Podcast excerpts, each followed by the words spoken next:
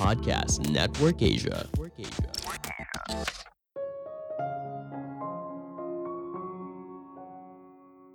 Ide besar tidak bisa diciptakan seorang diri. Ada kolaborasi dari berbagai ilmu yang berbeda. Halo semuanya, nama saya Michael. Selamat datang di podcast saya, Sikutu Buku. Kali ini saya akan bahas buku The Idea Factory karya John Gardner. Sebagai informasi, podcast Sekutu Buku sekarang bergabung dengan Podcast Network Asia dan Podmetrics loh. Sebelum kita mulai, buat kalian yang mau support podcast ini agar terus berkarya, caranya gampang banget kalian cukup klik follow. Dukungan kalian membantu banget supaya kita bisa rutin posting dan bersama-sama belajar di podcast ini. Buku ini membahas bagaimana sebuah perusahaan bisa menjadi sumber inovasi dan pendorong revolusi teknologi selama hampir 60 tahun. Jauh sebelum kita mengenal perusahaan teknologi inovatif seperti Apple, Google, atau Amazon, ada sebuah divisi riset yang mendorong revolusi teknologi bernama Bell Labs, bagian dari AT&T Company. Bell Labs boleh dibilang merupakan laboratorium terbaik untuk ide besar yang mengubah dunia. Berbagai penemuan pentingnya seperti transistor, laser, hingga telepon seluler mendorong kita berada di era modern. Semua kesuksesan ini berasal dari berbagai faktor, dukungan dana yang besar, lingkungan kerja yang mendorong inovasi, hingga ketahanan dalam menghadapi kegagalan. Saya merangkumnya menjadi tiga hal penting dari buku ini.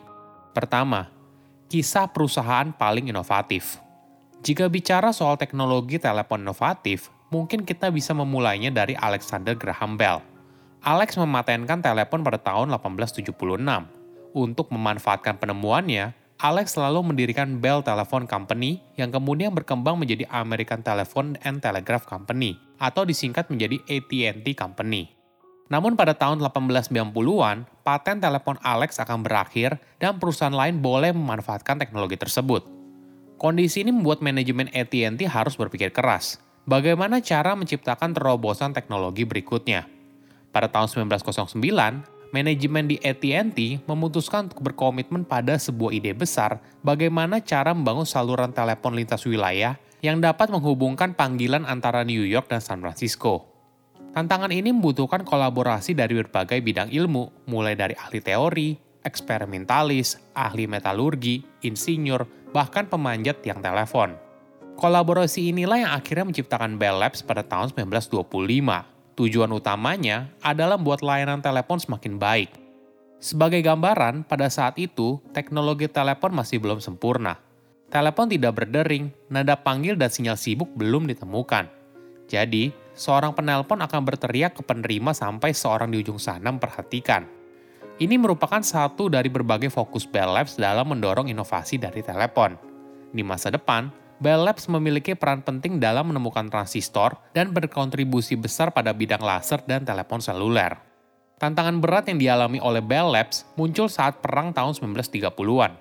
Politikus Amerika Serikat meminta para ilmuwannya untuk berkontribusi. Bell Labs hampir mengabaikan semua riset yang dibuatnya dan fokus mengembangkan peralatan militer.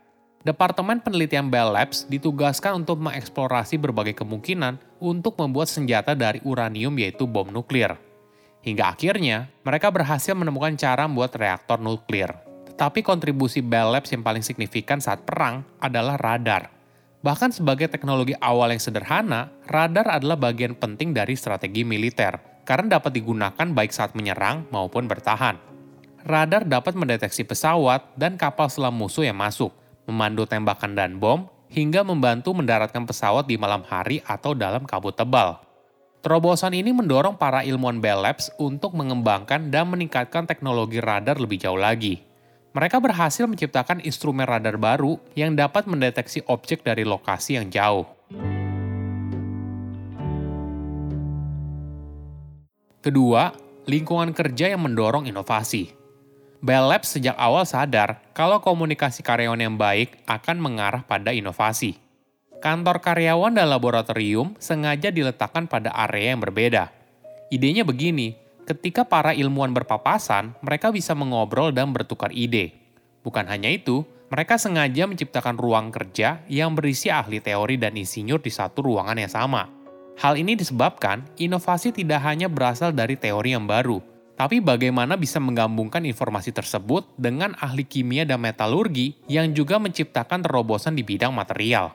Sebagai contoh, saat berada dalam proyek semikonduktor, mereka mencoba berbagai bahan dan gagal.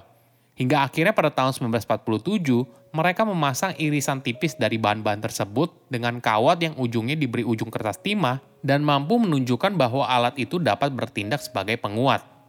Setelah jajak pendapat 31 anggota staf Bell Labs, mereka memutuskan untuk menamai perangkat baru itu sebagai transistor.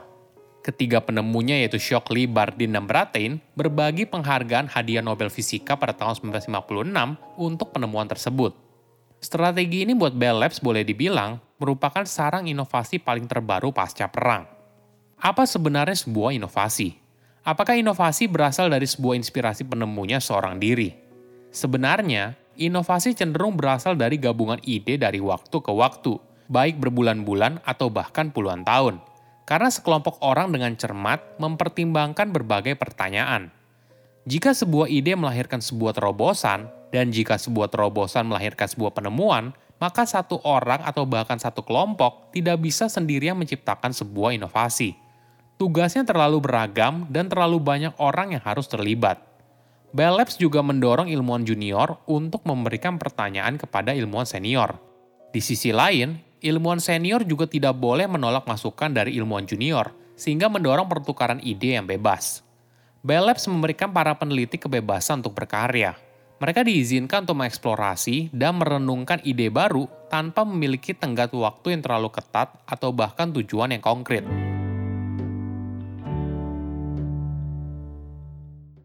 Ketiga, gagal adalah bagian dari inovasi transistor dan radio, sel surya dan satelit komunikasi, semua teknologi ini berasal dari Bell Labs dan masing-masing telah sepenuhnya merevolusi dunia modern.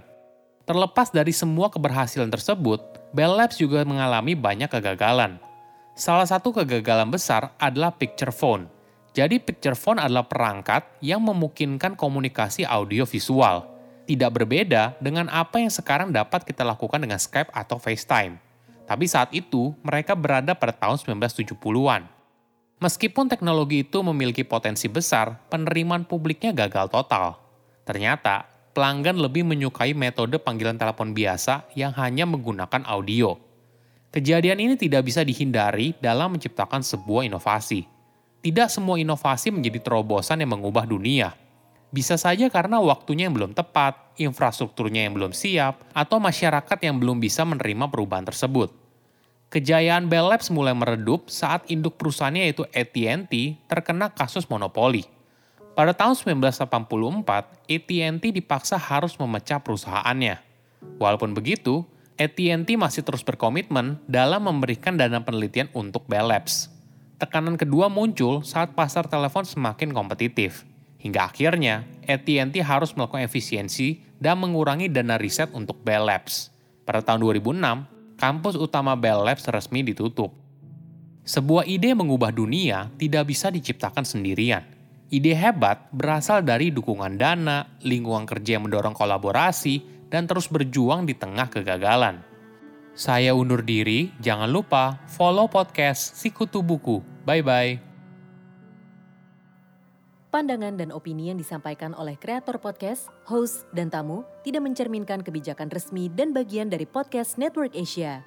Setiap konten yang disampaikan mereka di dalam podcast adalah opini mereka sendiri dan tidak bermaksud untuk merugikan agama, grup etnik, perkumpulan, organisasi, perusahaan, perorangan, atau siapa pun dan apa pun.